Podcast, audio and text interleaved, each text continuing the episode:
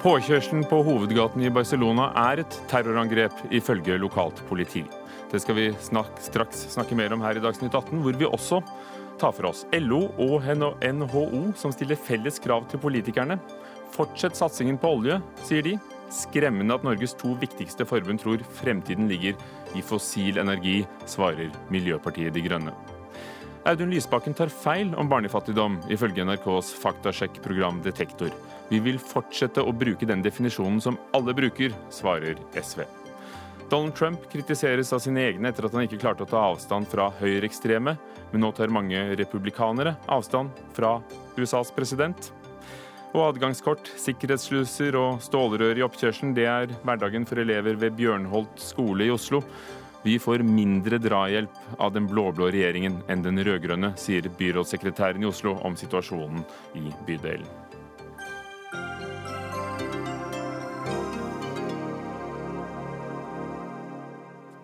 Velkommen til Dagsnytt 18 med Ugo Fermariello. Vi begynner altså med nyheten fra Barcelona. En varebil har kjørt inn i en stor menneskemengde. Ifølge nødetatene i byen er mange mennesker skadet, og dette skal ha skjedd nær eller på hovedgaten Las Ramblas. Bilen skal ha kjørt opp på fortauet langs gaten. Den spanske avisen El País rapporterer at føreren av kjøretøyet skal ha forlatt bilen til fots. Reporter Haldor Asvald, du er kommet til studio. Hva vet vi om uh, hva som har skjedd? Ja, de første meldingene om uh, dette dramaet som nå utspiller seg i Barcelona, de kom like etter klokken 17 i ettermiddag, hvor, som du sier, en hvit varebil kjørte inn i en menneskemengde opp på La Rambla, denne hovedgaten i Barcelona, ikke langt fra stranden i Barcelona, som er en kystby øst i Spania. Eh, bilen kjørte opp et fortau inn i en eh, menneskemengde, skal ha truffet flere mennesker. Eh, dette er en svært populær gate hvor det er mange turister som går, det er mange spanjoler som går. De fleste som har vært i Barcelona, kjenner nok igjen denne gata. Den skal ha truffet flere mennesker, og like etter så skal, kom det meldinger om at to væpnede menn har gått inn på en restaurant i Barcelona. Eh, og det meldes også at, eh, om at det pågår nå en gisselsituasjon inne på en restaurant i byen. Hva vet du om hvor mange som er skadet, omkommet? Det vi vet så langt, er at uh, minst to mennesker er drept, ifølge Sky News og lokale medier. Uh, men er, vi vet også at det er flere dusin, eller altså flere titalls mennesker som skal være truffet av denne bilen. sånn at det er nok ganske sannsynlig at disse tallene vil eh, stige etter hvert. Hva er myndighetenes eh, foreløpig offisielle uttalelser? Myndighetene har eh, ikke fra offisielt hold kommet enda med en uttalelse. Spansk politi kaller dette nå et terrorangrep. Metroen i området er stengt, togstasjonene er stengt. Men det er eh, fortsatt mye som er eh, uklart, og i slike situasjoner kommer det også meldinger som eh, man senere viser seg ikke stemmer. Så det er mye rykter ute og går nå, men, altså, men vi vet at minst to er drept. Og vi vet at det er veldig mange som er truffet av denne bilen. Takk, Halldor Asvald, reporter. Det blir mer om det altså politiet da har kalt et terrorangrep i Barcelona i Spania senere i løpet av Dagsnytt 18 i dag.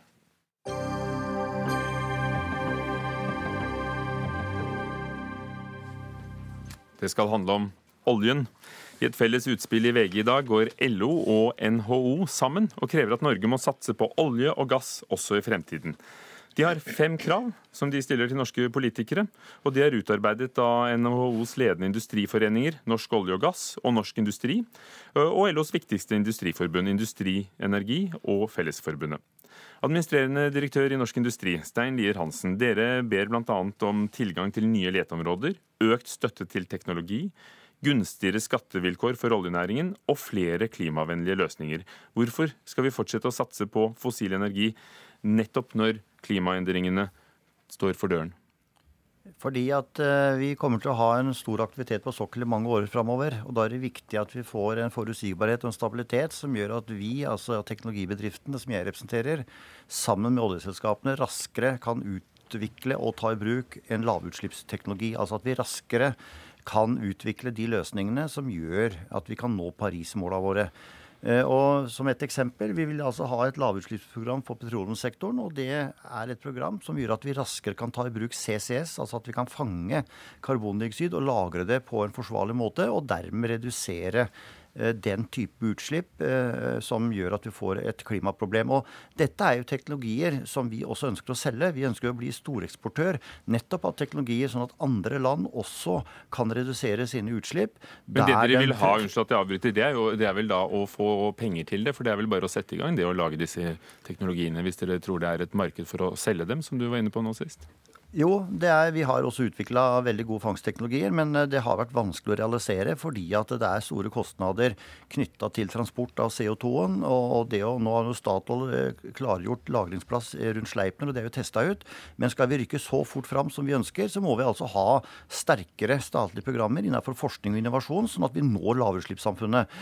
Men for å for at denne store sektoren skal kunne gjøre den jobben, så må det også være forutsigbarhet i den aktiviteten som er på sokkelen. Og vi ber ikke om noe skattelette. Det er helt feil. Vi har bare sagt at vær så snill, gi oss forutsigbarhet, og ikke gjør noe med skattemodellen sånn som den fungerer nå. Så dere vil vite at det fungerer som nå. Forbundsleder i Industri Energi, Frode Alfheim. Hvorfor skal vi fortsette å satse på olje og gass? Er du der, Frode Alfheim? Det tror jeg sannelig ikke han er. Men, eh, men tilbake til deg, Stein Lier Hansen i, i, Norsk Industri. Dere er jo helt på linje i dette spørsmålene. Eh, hvordan skal vi klare å omstille oss til et lavutslippssamfunn hvis vi fortsetter denne satsingen på olje og gass? For selv om du vil ha klimavennlige produksjonsmetoder, så vil det jo lede til, til, til mer av fossilt brennstoff ut i verden.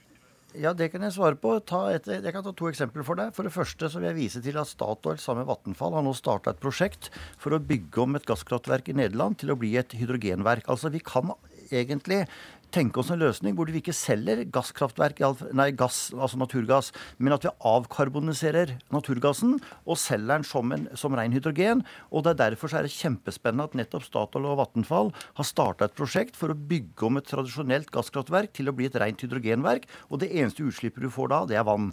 Eh, vi har en, et medlem til, eh, Reinersen, som nå prøver ut en teknologi på Tjeldbergodden hvor vi nettopp ser hvordan vi raskt kan fjerne karbonet fra eh, naturgassen. Og dermed kan vi bli en storprodusent av hydrogen, noe som både energibransjen trenger, og som ikke minst samferdselsbransjen trenger. For dere mener altså, dere er også inne på at dere vil oppfordre ungdommen til å satse på oljeyrkene, og at dette er en eh, bransje som vil bidra til verdiskaping i Norge i 40-50 år fremover. Det er ikke det at dere vil skynde dere å pumpe ut mens det er noe marked for denne oljen, da, før verden blir helt elektrisk og satser på andre måter å, å kjøre rundt på? Nei, altså verden blir ikke så fort elektrisk. Altså Alle seriøse utredninger, også av internasjonale energibyrået, viser jo at energimiksen også 2015 eller 2050, unnskyld, vil ha betydelig innslag av fossile brensler. og Derfor så er det uhyre viktig, og det er det som må bli debatten, hvordan kan vi utvikle en teknologi sånn at sluttbrukeren av fossile brensler ikke slipper ut karbondioksid. Det, det er det som er løsningen. Vi vil ikke klare å elektrifisere verden så raskt. Vi vil ikke klare å ha en energibalanse for en stor befolkning i 2050 hvor det ikke også brukes fossile energikilder. Men vi må lage teknologier som gjør at de som bruker de fossile energikildene, de bidrar ikke til utslipp av klimagasser. Det er det denne debatten dreier seg om. Og Vi skal straks eh, slippe til politikere her, men uh, til slutt, Frode, forbundsleder i Industri Energi, Frode Alfheim, nå er du med oss. Det var jo et rabalder i, i LO tidligere i våres om hva dere skulle mene om denne saken. Opplever du at dere har støtte fra hele LO for disse kravene som dere stiller sammen med, med industriforbundene? Fikk eh, på plass et uh, nytt vedtak på LO-kongressen i vår som en fulltallig kongress uh, stilte seg bak. Så Jeg opplever at vi er en samla fagbevegelse som går for at vi skal ha en fortsatt framtid innenfor olje- og gassvirksomheten. Vi har forpliktet oss til et togradersmål, altså vi i Norge, gjennom Parisavtalen. Tror du dette er den riktige veien å nå togradersmålet? Økt satsing på olje og gass på norsk sokkel? Vi må jobbe over flere spor for å nå det togradersmålet. Og akkurat å nå det, det ligger jo inne i den politikken vi har. Det vi vet, det er at så lenge vi skal holde på i mange tiår framover med olje- og gassvirksomhet, så må det være eh, et mål at den blir lett etter og produsert på den beste måten òg for klima. Vi er verdens beste på det i dag. Så vet vi òg at vi har et system som fremmer forskning og utvikling på norsk sokkel som er verdens beste for å bli enda bedre enn der vi er i dag. Så mitt eh, tilsvar til de som er kritiske til at vi skal fortsette med det i Norge, det er at legger du ned olje- og gassvirksomhet på Norge, altså legger du òg ned laboratoriet globalt for de som skal finne de nye teknologiske løsningene for at vi skal gjøre det her renere, og som òg skal legge grunnlag for at vi skal videreutvikle norsk industri på flere føtter om noen tiår, og, og imens vi holder på med olje og gass. Sånn at vi skal ha flere føtter å stå på både nå, men òg i, i, i tida etter olje og gass. Og dette har dere altså formulert som, som, fem spørsmål til politikerne. Vi har to av dem her. Takk skal dere ha eh, så lenge, Frode Alfheim fra Industri Energi og Stein Lier Hansen, administrerende direktør i Norsk Industri. Ja, Rasmus Hansson, stortingsrepresentant, nasjonal talsperson for Miljøpartiet De Grønne. Ja, Hva syns du om kravene? Hva, hva vil du svare? Kan eh, du innfri hvis du kommer i en posisjon til det? Jeg syns svaret på disse kravene eh, bør være en meget utbredt bekymring for framtida til norske arbeidsplasser. Eh, vitsen med den Parisavtalen som eh, regjeringen har skrevet under og Stortinget har støttet opp under, er å bli kvitt olje, kull og gass, fordi det ødelegger klimaet. Og vi har allerede mista 50 000 arbeidsplasser i siste eh, stortingsperiode eh, i olje- eh, og gassvirksomheten. Og den utviklingen kommer helt sikkert til å fortsette pga. lavere priser, pga. stadig tøffere konkurranse fra ny teknologi og pga. internasjonale klimatiltak. Det å satse på olje og gass som framtida for norsk industri og norsk, norske arbeidsplasser, det er uhyre risikabelt. Og det er eh, både for økonomi og for arbeidsplassene. Derfor vil Miljøpartiet De Grønne satse på å bygge de nye grønne arbeidsplassene som de som kommer til å miste jobben i oljenæringa, mye fortere enn det eh, LO og NHO og Industri Energi drømmer om, skal få nye jobber. Og så prøver altså oljebransjen her på en nesten underholdende, desperat måte å bortforklare at olje er og blir farlig for klimaet, og at når Norge tar opp olje fra havbunnen, produserer den og selger den på verdensmarkedet, så havner den i atmosfæren og øker øh, den globale oppvarmingen. Uansett hva noen prøver å påstå. Måten å unngå at Norge bidrar til enda mer klimaendringer på, er å la olja ligge. Da skaper den ikke klimaendringer. Det er å ta vare på framtida. Det okay. er å ta vare på jorda. Og det er det dette valget bør handle om. Dette må bli et klimavalg og et framtidsvalg. Terje Aasland, nestleder i energi- og miljøkomiteen fra Arbeiderpartiet. Dere derimot mener at kravene fra LO og NHO er fornuftige, og da mener du vel at Hansen er på jordet, da? Det vi mener det er at De kravene som nå kommer fra industrien, er eh, viktige for å videreutvikle norsk sokkel. Se på mulighetene for eh, trygghet, arbeid, innovasjon, teknologiutvikling og ikke minst eh, lage et robust miljø som kan være med på å bringe oss inn i lavutslippssamfunnet. Det er kompetansen, teknologien, tryggheten som ligger i å utvikle også verdiene eh, på norsk sokkel, som er grunnlaget for det. Men, men er det det meg også, at, at dere tenker at så lenge verdiene fortsatt har en verdi. Fordi verdens oljeforbruk stiger stadig, så må vi skynde oss å få det ut. Hva er den viktigste verdien med oljeindustrien? Det er kompetanse, teknologi, innovasjon. Det er fantastiske kompetansemiljøer som bringer Norge videre. Som tar Norge inn i nye, viktige områder og gir oss svar som ikke vi kan i dag. Norsk eh, oljeindustri eh, er vår viktigste kanskje bidragsyter til framtida. Nettopp fordi de kan plassere oss inn i lavutslippssamfunnet på en måte som er tilpassa vår tid. Men nettopp siden det går så bra, vil ikke de kunne da utvikle disse nye teknikkene, miljøteknikkene for utvinning av seg selv? Trenger de statlig hjelp til det? Nei, de trenger ikke statlig hjelp, men de trenger forutsigbarhet, rammebetingelser som gjør at de kan utvikle dette. Og det er sånn at eh, Vi er opptatt av å gi de den forutsigbarheten, samtidig som vi stiller krav.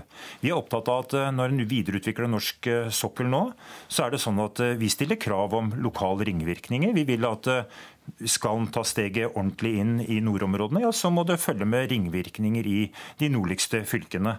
Samtidig som vi sier at eh, skal en fortsette å produsere, klima, nei, fortsette å produsere olje og gass fra norsk sokkel, ja, så må de også være med på å bringe klimagassutslippene fra produksjonen ned. Okay. Samtidig som skal vi la ballen gå til Hansson? Dere sitter på hver, på hver deres stue her. Hansson? Altså, nå er det jo for det første en utrolig kjip melding fra uh, Arbeiderpartiet til de ni uh, tiendeler av norske arbeidstakere som ikke jobber i olja. At det eneste stedet vi produserer kompetanse her i landet, er i oljesektoren. Det er jo uh, heldigvis noe tull. Eh, og Det er derfor Miljøpartiet De Grønne sier at det er den kompetansen som utvikles i andre næringer, selvfølgelig med hjelp av den kompetansen som etter hvert kommer til å lekke over fra oljenæringa. Er det ikke det som, allerede har skjedd etter oljekrisen? Jo, det er altså 50 000 mennesker i den størrelsesorden har altså mistet øh, jobben i oljenæringa. Ikke pga. grønn politikk, men pga. Uh, Arbeiderpartiets politikk og Høyres politikk, som er med å skape en overproduksjon av olje i verden som gjør at prisene detter. Eller høye ja, oljepriser. Ja. Som gjør at prisene detter, og at at eh, oljenæringa har én måte å overleve på i framtida i Norge, og det er å kutte jobber. Det betyr for øvrig også at eh, denne, dette eventyret om at oljenæringa skal skape så mange jobber i framtida, det er jo stikk i strid med det oljenæringa selv satser på. De skal klare å tjene penger med færrest mulig arbeidsplasser. Men, Men Så du vil, poenget, du vil, ha strengere betingelser? Vi vil for det første, som alle etter hvert vet, stanse ny oljeleting fordi det er et helt udiskutabelt faktum at verden har funnet for mye olje til at vi kan klare eh, togradersmålet, og i hvert fall 1,5-gradersmålet. Eh, og fordi at eh, vi trenger å gi et signal til norsk næringsliv om at nå satses det grønt. I dag investeres det sju ganger så mye på norsk sokkel som i tradisjonell norsk industri. Det burde være omvendt. Og Arbeiderpartiet burde jo samarbeide med Miljøpartiet De Grønne om å snu den pengestrømmen, sånn at den går inn der hvor de trenger det. Der hvor vi skaper framtidas arbeidsplasser, og der hvor vi skaper trygge arbeidsplasser. Det å satse på olja er utrolig risikofylt for klimaet, og det er utrolig risikofylt for norsk økonomi og norsk arbeidskraft, fordi det er en bransje som kommer til å gå mye fortere nedover enn det Terje Aasland drømmer om. Og en ansvarlig arbeidsmarkedspolitikk, det vil være å satse grønt og satse nå, og det er det valget må handle om. Aasland, og da er det kanskje ikke riktig da, å, å gi skattefradrag for oljeleting og sette ut nye områder på, eh, til, til, prøveboring. For det er jo sånn at 44% har sagt i en Ipsos-undersøkelse tidligere i år at de kunne tenke seg å la oljen ligge. Er dere i utakt? Nei, vi er ikke i utakt. Og jeg tror folk er opptatt av trygghet, forutsigbarhet eh, og ikke minst at det kommer nye muligheter fram. I dag er det 200 000 mennesker som jobber innenfor oljeindustrien. Det er eh, kompetansearbeidsplasser. Men det er ikke bare der kompetansen er, som Rasmus Hansson later til at jeg har sagt. Men, Men dere kommer dem i møte, altså NHO og Norsk Industri, på, på alle punkter når det gjelder hva de vil ha, dere politikere, for oljenæringen? Langsiktighet og forutsigbarhet er en nøkkel for å utvikle næringa videre, og ikke minst utvikle næringa inn i lavutslippssamfunnet. Vi skal kutte klimagasser i tråd med det som er våre forpliktelser etter Parisavtalen. Vi har i vårt statsbudsjett lagt fram hvordan vi skal kutte 40 eh, fram til 2030. Vi har vist det i vårt eh, alternative statsbudsjett. Vi er ansvarlige ut ifra dette. Men det er ansvarlig også å si fra til 200 000 mennesker som har sitt daglige inntekter, sitt daglige virke i oljenæringa, at vi vil også bygge forutsigbarhet der, samtidig som vi gir dem muligheten til å finne flere arenaer å stå på, være med å skape framtidas grønne næringsliv, som Rasmus Hansen omtaler det, men altså nye områder en kan tjene penger på og, og skape verdier på og, og, og ha arbeidsplasser ut ifra. Vi ønsker å skape den tryggheten og den forutsigbarheten, og det syns jeg er viktig at vi gjør. Takk skal dere ha. Vi er så forutsigbare. altså Vi sier simpelthen uh, takk til Rasmus Hansson fra MDG og Terje Aasland fra Arbeiderpartiet. Dagsnytt 18 alle hverdager klokka 18.00 på NRK P2 og NRK2.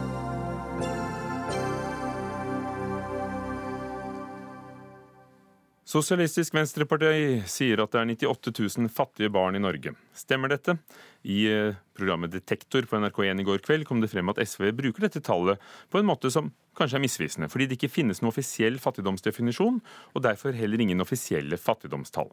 Derimot er det 98 000 barn som lever i familier med vedvarende lavinntekt, hvis vi skal bruke Statistisk sentralbyrås definisjon. Audun Lysbakken, partileder i SV, du er uenig i konklusjonen i Detektor og vil fortsette å bruke ordet barnefattigdom. Hvorfor vil de ikke høre på statistikerne i SSB, som sier barn som lever i familier hvor inntekten er under 60% av medianinntekten?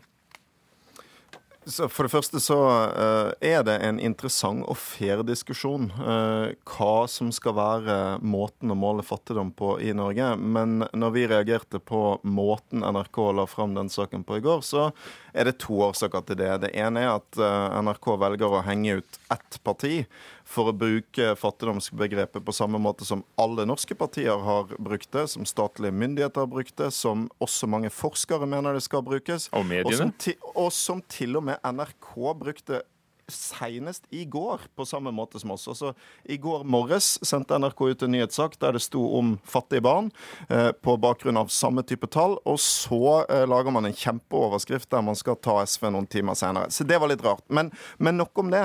Det som gjør at jeg syns debatten er veldig viktig, er jo at jeg er redd for at denne typen konklusjon vil bli brukt av de som ikke har så lyst til å diskutere fattige barn. For uansett hvordan du måler, så er det mange fattige familier i Norge. Altfor for mange.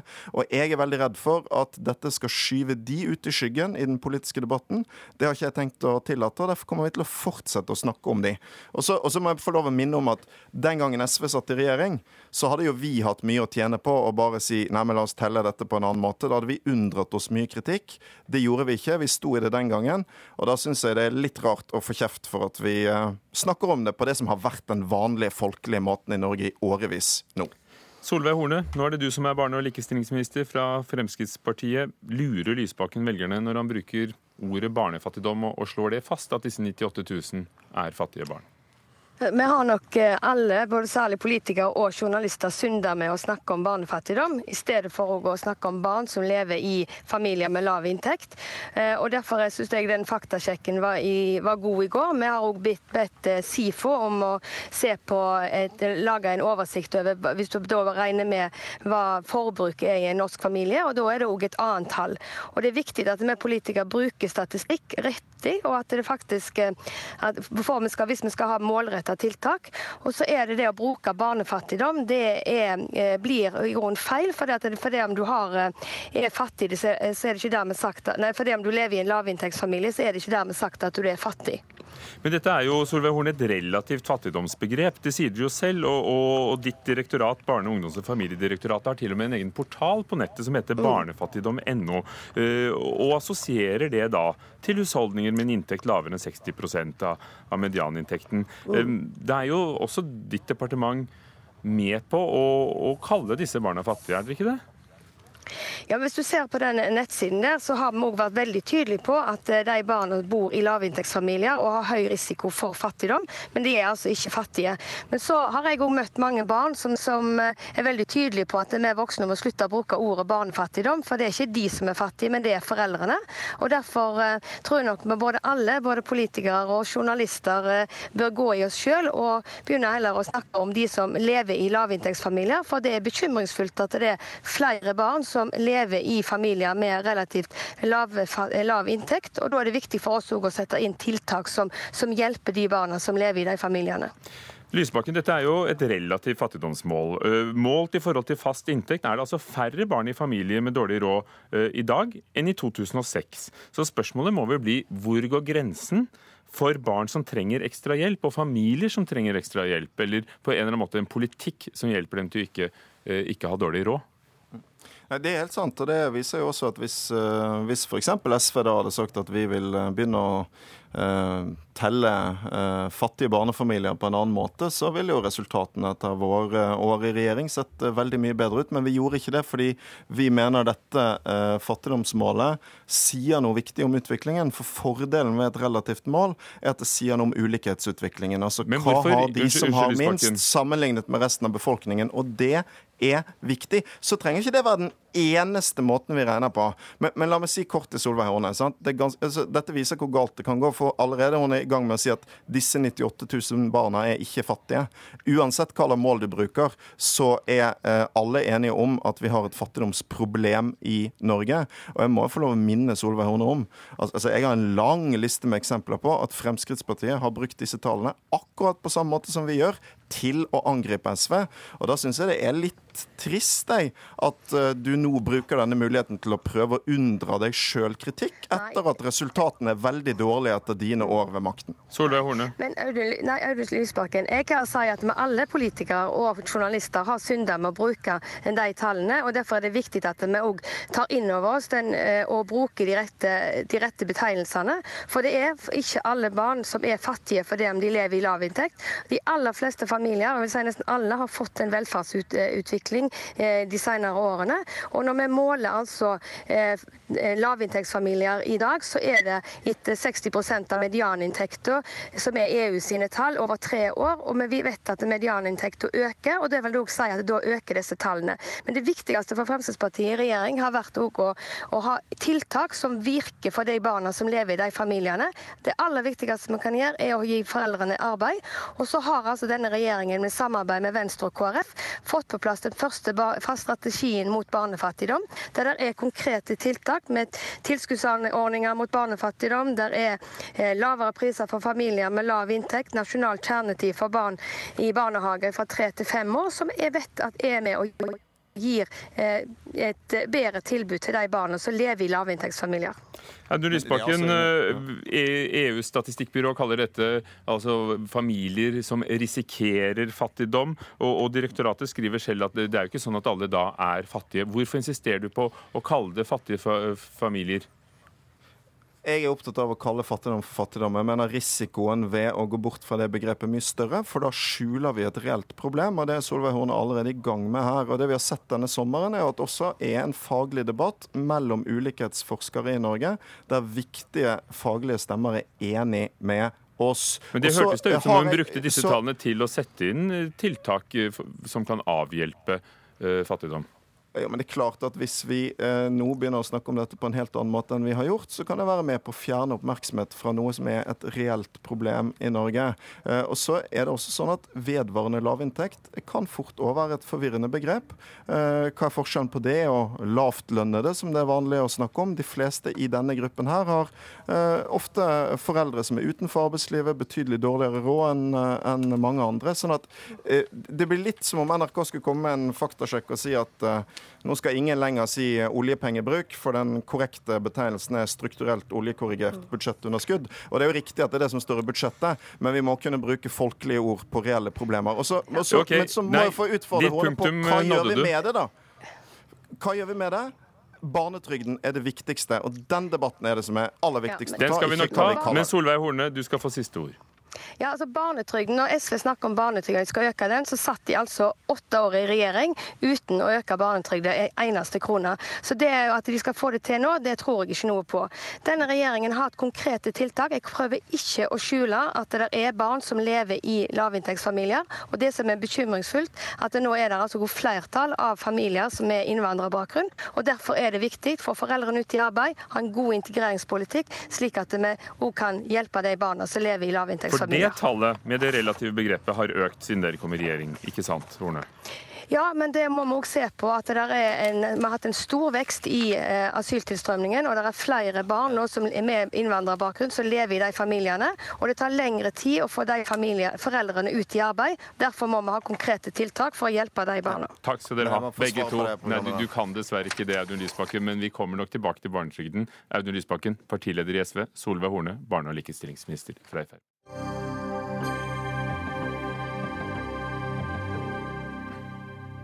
Vi skal tilbake til påkjørselen på hovedgaten i Barcelona i Spania, som politiet der eh, karakteriserer som en terrorhandling. Det er altså en varebil som ved femtiden kjørte inn i en menneskemengde. Ifølge nødetaten i byen er mange mennesker skadet, og dette skal ha skjedd altså nær hovedgaten La Rambla. Reporter Haldur Asfald, hva er det siste som eh, er kommet av informasjon? De siste tallene som har eh, kommet nå fra spanske medier, er at minst én er drept og minst 20 er eh, skadet etter at dette, denne hvite varebilen kjørte opp på La Ramla. Dette er en svær, bred gågate midt i Barcelona sentrum, hvor det går mange mennesker hver eneste dag. Spanjoler, turister. Et svært populært turistmål i Barcelona. Og dette er den viktigste turistgaten gaten i hele Spania. Bilder fra stedet viser mennesker som ligger eh, skadde på eh, gaten etter at de da eh, ble truffet av denne varebilen. Det er en lang turistgate, én kilometer lang. som varebilen har kjørt nedover denne gata og truffet, ifølge spanske medier, flere titalls mennesker. Den personen som kjørte denne bilen skal fortsatt være på frifot. Og eh, spansk politi beskriver eh, dette som et eh, terrorangrep. Det er altså kommet meldinger og rykter, skal vi si det, om et gisseldrama? Ja, Lokale medier mm, har meldt at væpnede menn har gått inn i en restaurant i byen like etter meldingene om at denne hvite varebilen kjørte på disse eh, menneskene. En amerikansk journalist har lagt ut en melding på Twitter at han har kjørt skyting og eksplosjoner inne på denne restauranten. Men spanske medier er eh, foreløpig forsiktige med å omtale denne gisselaksjonen. Det er eh, mye som fortsatt er uh, uklart, så vi må avvente og se uh, hva som egentlig har skjedd. Men det har altså kommet meldinger om at det er en pågående gisselaksjon. Dette er ikke bekreftet fra offisielt hold. Men det som er sikkert, er at veldig mange er skadet. og bilder fra stedet tyder på at dødstallene kan stige. Takk, Haldur Asvald, om situasjonen i Barcelona. Hør Dagsnytt 18 når du vil. Radio NRK NO. Den amerikanske presidenten, Donald Trump, startet dagen med å tvitre hånlig om to av sine egne partifeller fordi han mener de sprer avskyelige løgner om hva han har sagt om høyreekstreme. Bakteppet er eh, USAs presidents uttalelser om at begge parter hadde skylden for volden under en høyreekstrem demonstrasjon i Charlottesville i Virginia sist fredag, der døde altså 32 år gamle Heather Heyer. Hun ble drept av en nazisympatisør som kjørte en bil inn i en mengde, menneskemengde der også. Tove Bjørgaas, NRKs korrespondent i USA, du befinner deg i Red Hook i Brooklyn i New York. Eh, mange utenfor partiet har reagert på at Trump eh, likestiller eh, høyreekstreme og antirasister, men er det også hans egne på vei bort fra ham? Det er veldig mange republikanere som har fordømt dette. Og i dag igjen så gikk Trump ut på Twitter og og sa at det er pressen som har feilsitert ham, og at, også at han, at han er imot at man skal fjerne disse sørstatsmonumentene som de høyreekstreme demonstrerer for å få beholde.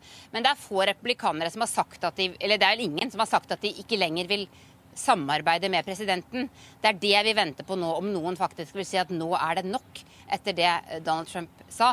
Det vi vet som har skjedd i dag, er at visepresident Mike Pence han er på en reise i Latin-Amerika, og han kommer nå hjem for å ha møter med presidenten i morgen. Mange lurer på hva det betyr. Eh, så det er alle mulige spekulasjoner som svirrer her nå. Men det eh, kommentatorene sier, er at i løpet av 48 timer så bør vi kunne vite hva slags etterspill det som skjedde i Charlottesville og presidentens reaksjon kommer til å få for administrasjonen. Halvard Notaker, historiker, forfatter av boken 'Amerikansk valgkamp', eh, med et eh, ivrig øye på hva som skjer i amerikansk politikk. For å spole litt tilbake denne pressekonferansen som vakte kanskje aller mest oppsikt. Trodde du dine egne øyne? Nei, men det har vi jo vent oss til, da. Og noen ganger så kan det være Eh, komisk, og noen ganger kan det være litt leit. Og denne gangen var det veldig sørgelig. Så, så, det er klart at uh, du regner på en måte ikke med at presidentens rolle i en sånn sak skal være å fyre opp mer. Fordi alt som handler om hudfarge i USA er veldig vanskelig. Det er det dypeste såret i, i nasjonale selvforståelsen deres. Og, kan, kan, du minne oss på hva var det han sa da han kom ut sa, ja, fordi, i, vestibylen i sitt eget uh, ja, skyskraper i New York? Han skulle jo egentlig snakke om infrastrukturutbygging, og ville gjerne det, men han fikk selvfølgelig spørsmål om dette andre. og en av de tingene som han sa, som nok var litt i en bisetning der, men som er blitt stående, det er at han øh, ville ikke plassere noen moralsk slik eller slik. Og det er det en del som har påpekt etterpå, at rollen til en president, det er å plassere noe moralsk slik eller slik som, som statsoverhode. Si at eh, vårt land handler om dette og om dette, og om menneskeverd. og eh, sant, De dokumentene som ligger til grunn for USA som stat, og for den identiteten folk har som amerikanere. Alle mennesker er skapt like, med retten til å søke lykken og frihet osv. Og, så og det som står i Grunnloven om at alle mennesker er like for loven. Og, og dette er jo utrolig kraftfulle ting i USA. og når presidenten ikke vil ta den rollen som den som sier hva dette handler om i dag, og når nasjonen opplever seg i en eller annen type krise, hvem skal gjøre det da?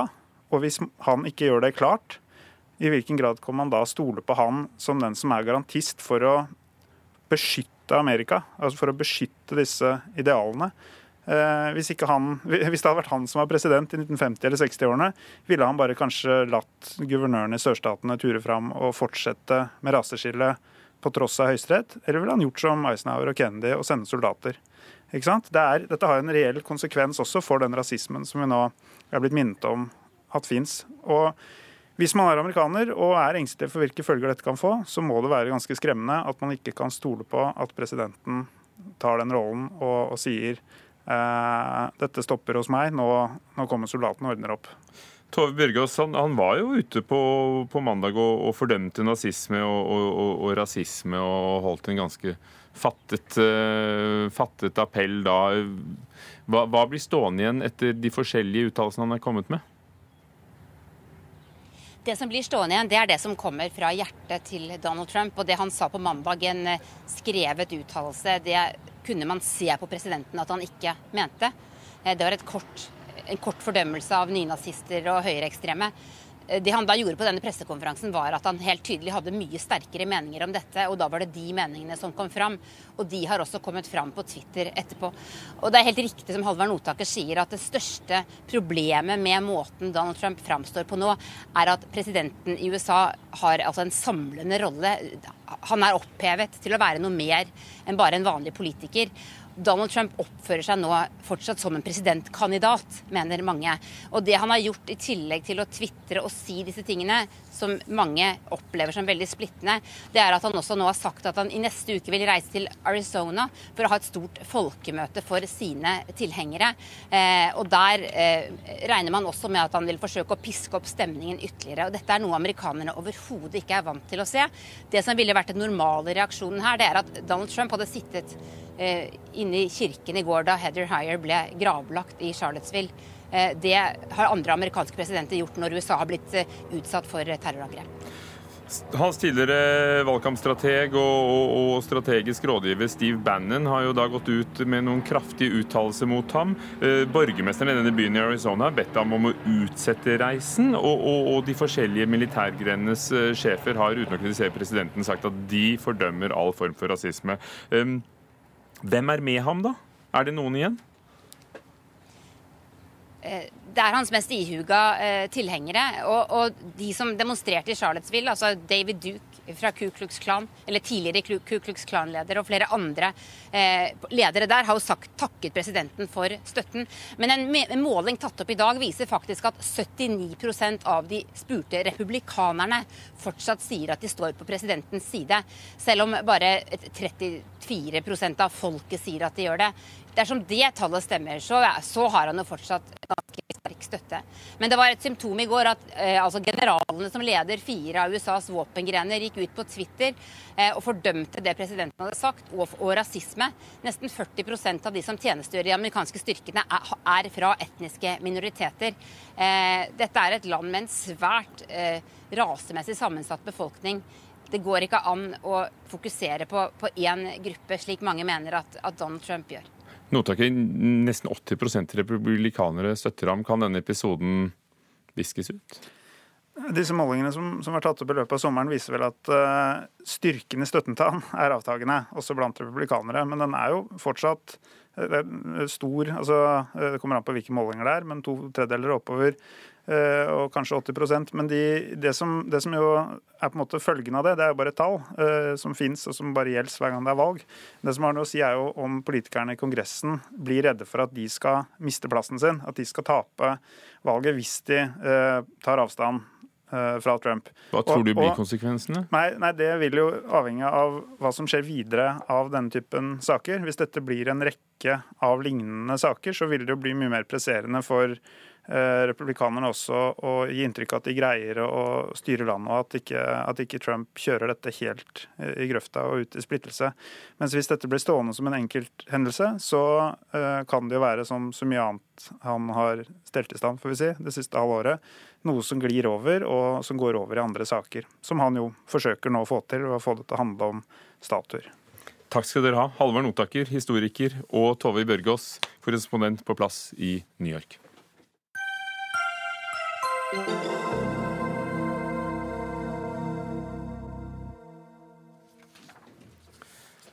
var en tid hvor vi bare gikk inn og ut av alle offentlige bygninger og kontorer og, og skoler. Og for skoler så er den tiden uh, fortsatt uh, vedvart inntil nå. For nå blir adgangskort og sikkerhetssluser hverdag på Bjørnholt videregående skole i Oslo.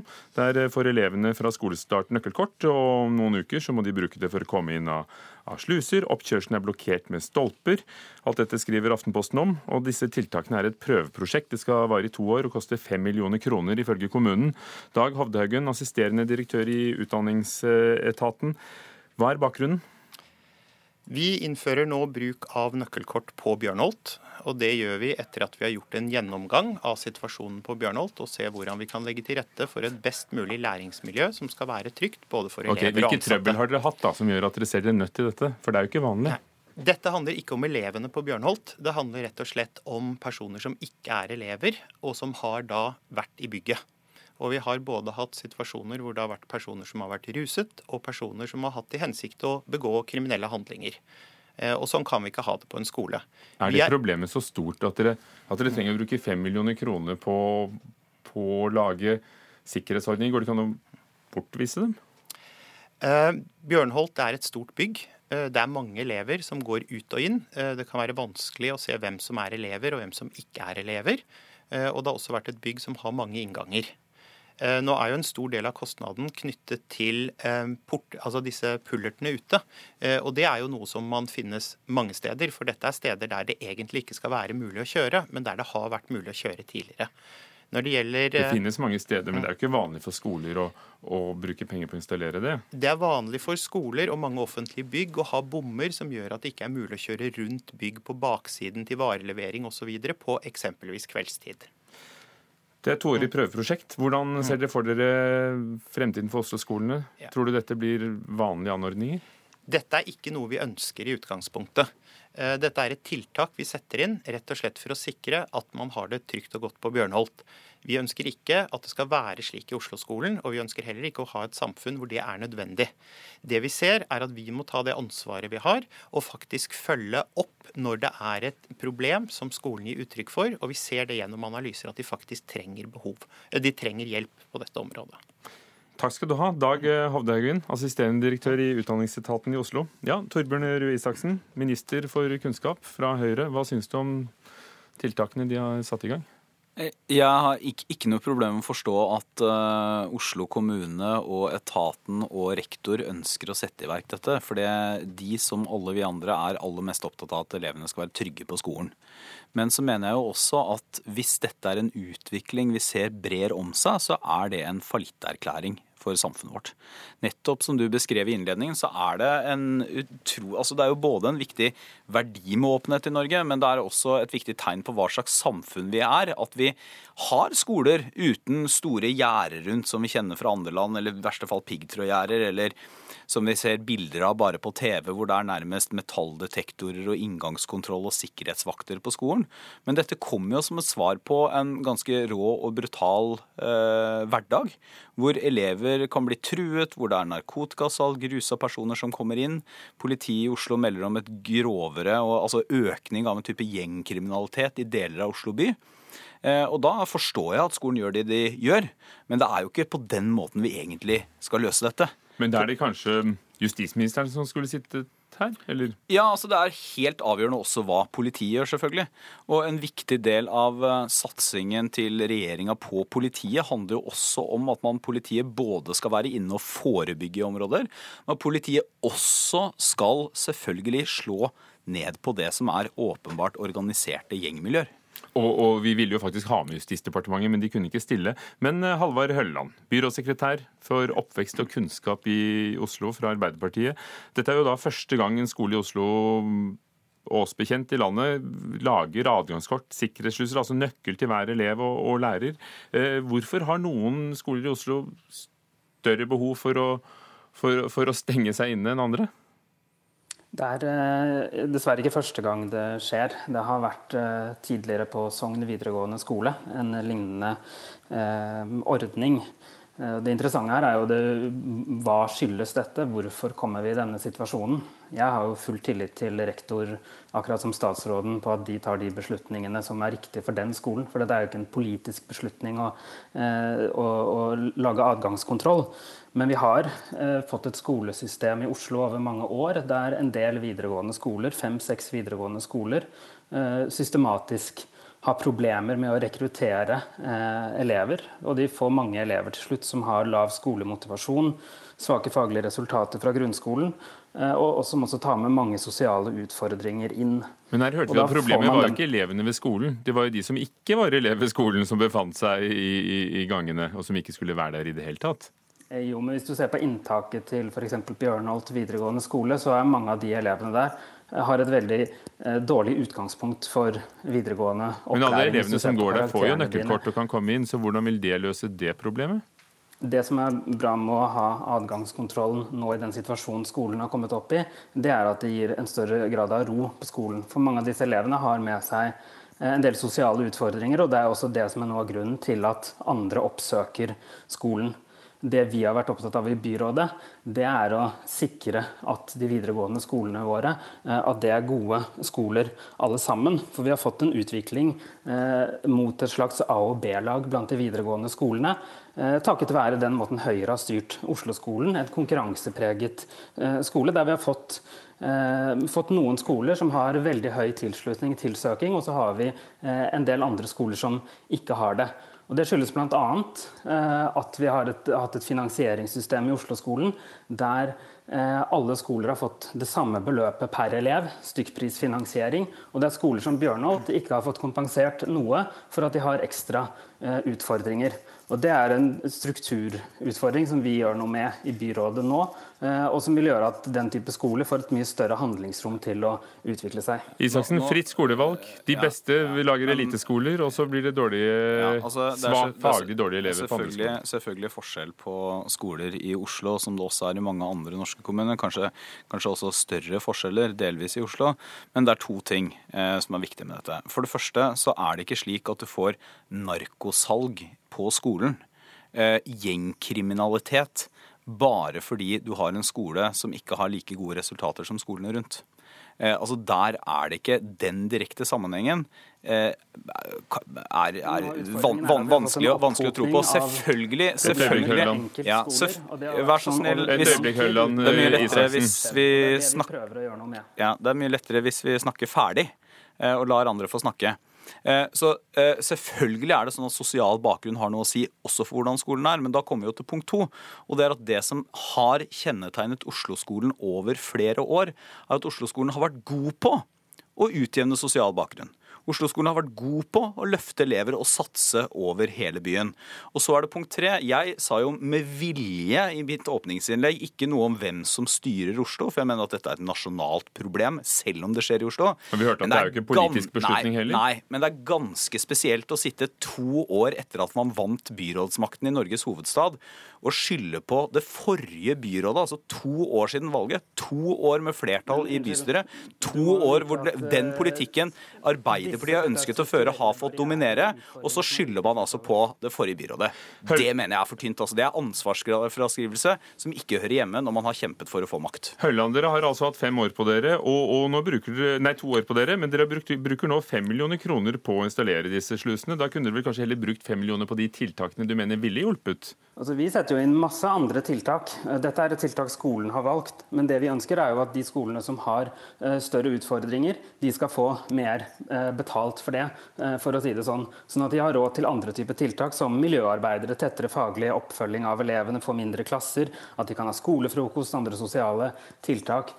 Så på en del av disse videregående skolene som over tid har fått en del utfordringer, de får nå en helt annen satsing enn tidligere. Eh, og det har jo vi satt i gang fra dag én. Eh, men det er klart at dette er noe som har utviklet seg eh, over mange år. Og som det tar tid å løsne opp i. Og Nå har vi jo snakket med, med, mange her, og, og, alle dere, men den vi ikke har snakket med, er jo elevene. Men vi har med deg, Rahman Chaudhry, leder i Elevorganisasjonen. Du har snakket med nettopp elever ved Bjørnholt videregående skole. Hva, hva forteller de deg om hvordan det er å gå på skolen? Ser de et behov for å, å få adgangskort? Altså, Selve problemet med denne saken er jo at det er ingen som vet hva eh, elevene på Bjørnholt videregående eh, vil, om de ønsker disse adgangskortene eller ikke. For det er faktisk ingen som har spurt dem. Det er elever som har funnet ut at de kommer til en helt ny skolehverdag gjennom å ha lest en artikkel i Aftenposten. Det er det jeg tror er ansvarsfraskrivelse.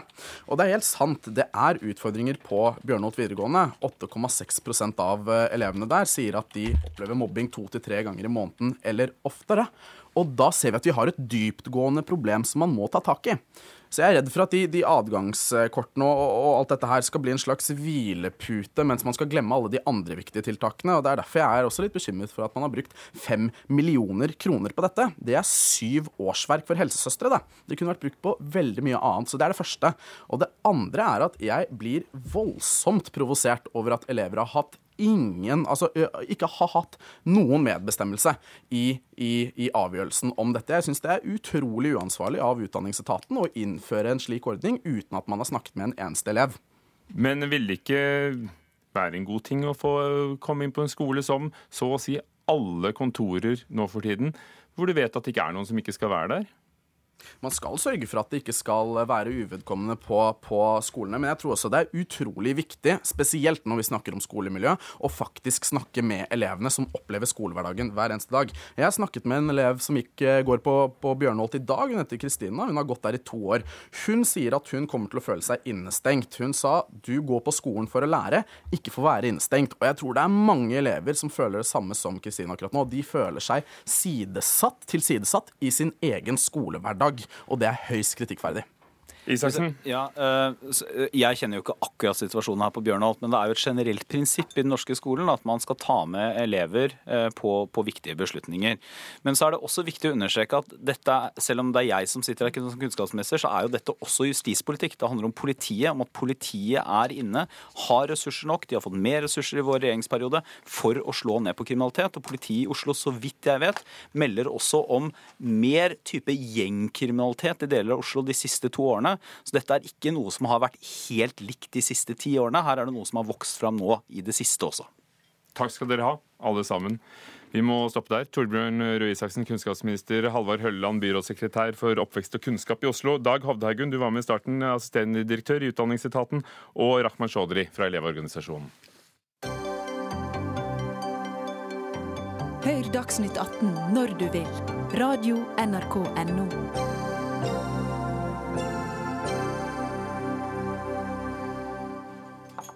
Igjen snakker vi om doping i idretten. Justin Gatlin, sprinteren som var dømt for doping, vant gull på 100 meter i London-VM. Og I kjølvannet av seieren gikk Bislett Games-sjef tidligere høydehopper Steinar Hoen ut og sa at Gatlin aldri vil bli invitert til å delta på det årlige stevnet i Oslo. Bislett Games nekter nemlig utøvere å delta hvis de er blitt dømt til mer enn to års utestengelse pga. doping. Og dette, jusprofessor Trond Solvang ved Universitetet i Oslo, fikk deg til å skrive en kronikk i Dagens Næringsliv, og du mener at det er feil å utestenge utøvere som har sonet sin dom. Hvorfor det? Eh, ja, jeg reagerte på den, på den uttalelsen fra, fra Hoen, altså med denne regelen om, om at tidligere domfelte ikke fikk delta. Fordi det har med grunnleggende prinsipper om dobbeltstraff eh, å, å, gjøre. Og for å si det enkelt, hvis en tenker sivilretten da, utenfor doping og idrett, altså straffedømte når de har sonet ferdig straffen, så er de rehabilitert og anses som borgere på linje med andre. Eh, så, så det, det dreier seg om dette med dobbeltstraff. og Innen idretten så er det jo da straff i form av altså dopingovertredelse med straff i form av utestengelse. Og når folk har, de ja, dopingdømte da har sonet ferdig, så er de rehabilitert. Det er jo utgangspunktet. Eh, og så har man da, for å skyte inn at du har WADA-koden, som er global enhetlig regel for all organisert idrett. Og, og der, så Antidopingforbundet? Ja, nettopp. Ja. Og, og, der ligger jo da ganske hjemmel for, for straff. Og da er og da er Det som kommer på spissen her, da er eh, hvis en arrangør eh, har eh, i sine regler at vi vil ikke ha med altså noen som har sonet en dopingdom, eh, så er spørsmålet er det en form for dobbeltstraff innenfor WADA-kodesystemet. Og ditt svar er? Ja. ja. Og da sier jeg ja for det. Og der har jeg i kronikken gått litt inn på rettssaker innenfor idrettens høyeste domstol, altså denne voldgiftsretten i KAS osv. Så, så det er, ting jeg, det er det jeg har, egentlig, jeg har gått gjennom i den kronikken i hovedsak. ja. Rune Stenersen, daglig leder for Bislett-alliansen. Hvorfor vil dere være mer katolske enn paven og, og strengere enn eh, OL- og VM-arrangørene og si nei til Justin Gatlin og andre som har hatt en dopingstraff? Først ta jussen i det. altså Vi står fjellstøtt fordi friidretten, eh, toppserien i friidretten er en av de få idrettene i verden hvor du har såkalte invitasjonsstevner. Vil si at det er ikke basert på påmelding eller rangeringer eller hva som helst. Men er det vi del, bestemmer hvem som kan En del av det samme selvjustissystemet med KAS som øverste domstol og hva det er? en del Ja, av det samme systemet? Helt klart. Så fort folk deltar på stevnet vårt, så er vi underlagt eh, WADA, Antidoping Norge her i Norge. eh, På helt lik linje med alle andre idretter. Men vi har ulike kriterier når vi inviterer til eh, stevne på Bislett. Antidoping er et viktig kriterium hos oss. Det er også at vi ønsker de riktige utøverne i forhold til flest mulig land som deltar. Det er masse kriterier. Er dere redd for sånn buing som, som det var i London da Gatlin vant? Det er nok ikke det vi har tenkt på når vi bestemte dette. her. Jeg var sjøl i London. Jeg syns det var eh, påtagelig at eh, Gatlin har blitt en sånn syndebukk nærmest for alle, alt som har gått galt med antidopingarbeidet i verden. Ja, dere vil jo ikke ha ham selv. Men vi eh, ser at de som har eh, juksa hardt, eh, er negativt for idretten vår. Vi er drevet av tre idrettslag eh, hvor vi har barne- og ungdomsaktiviteter. Hvis vi skal hylle eh, de eh, dopingtatte som eh, skal på en måte hylles og få masse tusen dollar fra vår klubbkasse, eh, det, det ønsker vi ikke. Ja, Solvang, altså Det er jo invitasjonsstevne. De mener at de har sin juss, altså idrettsjuss, på trygg grunn. Dette er jo ikke noe sivillov, dette her. Nei, alt jeg snakker om er idrettsjuss. Altså disse kastdommene. IOC ble dømt på noe tilsvarende for for Dette er et OL-arrangementet. invitasjonsstevne hvor de Ja, selv bestemmer jeg, hvem som skal og, og, løpe. Og, og jeg skal ikke være altfor bastant der, men jeg syns det er rart eh, at eh, Stenersen sier at de står fjellstøtt juridisk. fordi For meg, så når det er et så sentralt stevne med toppidrettsøvere i verdensklasse, og noen ikke får delta, og da Gatlin, da, som var tema her, altså som verdensmester ikke får delta, jeg syns det virker, virker rart. eh. Er det jussen eller moralen du er opptatt av? Nei, nå snakker jeg jussen. Altså, ut Jo, fra men, men hva, hva er det som får deg til å skrive dette? Er det, mener du at de gjør en, begår en feil? Nei, det kan du si. Altså, jeg ønsker å løfte opp dette temaet, for jeg syns det er for lite kommunisert dette med, med ganske rettsliggjøring i dette. Det er en juss i dette her også. Det er derfor jeg nevner disse kastdommene som styrer internasjonal idrett. Og det er på en måte underkommunisert eh, i den debatten som går eh, her hjemme, i hvert fall. Og der mener dere at dere står fjellstøtt. Men, men hvorfor har dere satt denne grensen på to år? Altså De som har vært utestengt i, i ett år, eh, har jo også vært dopingdømt, hvis dere skal være renere enn ren. Vi eh, har ikke to år som en klar regel hos oss. Det er sånn at eh, vi bruker skjønn også, men når det gjelder prestasjonsfremmende midler, de som er dømt for det, eh, de ønsker vi ikke på Bislett. Og Sett i en litt større sammenheng når vi snakker om dobbeltstraff. Altså, Vi ser det ikke sånn. Vi ser det sånn at vi inviterer ikke en som får muligheten til å gjøre arbeidet sitt på Bislett og i Oslo. Samme måte gjelder det sivilrettslig. Altså, enkelte som eh, gjør straffbare handlinger, de får ikke muligheten til å drive sin profesjon. Om det er en jurist som eh, blir stående i strafferegisteret, får ikke advokatbevilgning. Så i en større sammenheng så føler jeg at eh, det er ikke en dobbeltstraff. Det er rett og slett ikke muligheten til å utføre den jobben han har innenfor de rammene vi har på Bislett stadion. Solvang. Ja, Det jeg opplever problemet med det, er eh, eh, at det ville bli ansett som dobbeltstraff innenfor idrettens system. Altså, for Jeg har ikke noe problem med å skjønne hva du sier. Men jeg, Vil det stått seg sivilt? Ja, det, er et, det er et vanskelig tema. altså Det måtte vi ha hatt et eget program på, eh, tror jeg. For det er ganske komplisert med menneskerettighetskonvensjonen og protokoll 7 osv. med dobbeltstraff innenfor skatterett og altså skattepåslag som er administrativt, eh, straff for skattesvik som er straff. og Det der er en svær tematikk, da. Så- Men man kjenner den igjen i det idrettslige. Så vi vil aldri kunne se verdensmesteren på 100 meter fra London løpe på Bislett. Så lenge vi er invitasjonsstevner, nei. Hvis det endrer seg, så kanskje ja. Takk skal dere ha. Rune Stenersen, daglig leder i Bislett-alliansen. Trond Solvang, professor eh, i juss ved Universitetet i Oslo, som skrev om dette i Dagens Næringsliv.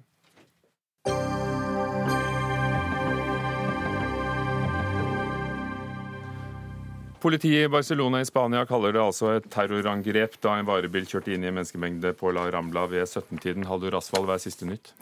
Ja, det siste som har kommet nå om denne situasjonen, er at eh, minst 13 mennesker er drept i angrepet, ifølge Reuters. El Pais, den største avisen i Spania, sier at eh, ti er drept, og at det nå pågår en politiaksjon for å løse en gisselaksjon i en bar eh, hvor menn tok seg inn eh, etter dette lastebilangrepet. Takk skal du ha. Dagsrevyen begynner straks, som var siste nytt. Ugo Fermariello var programleder, Fredrik Lauritzen ansvarlig, Erik Sandbråten teknisk ansvarlig for Dagsnytt 18.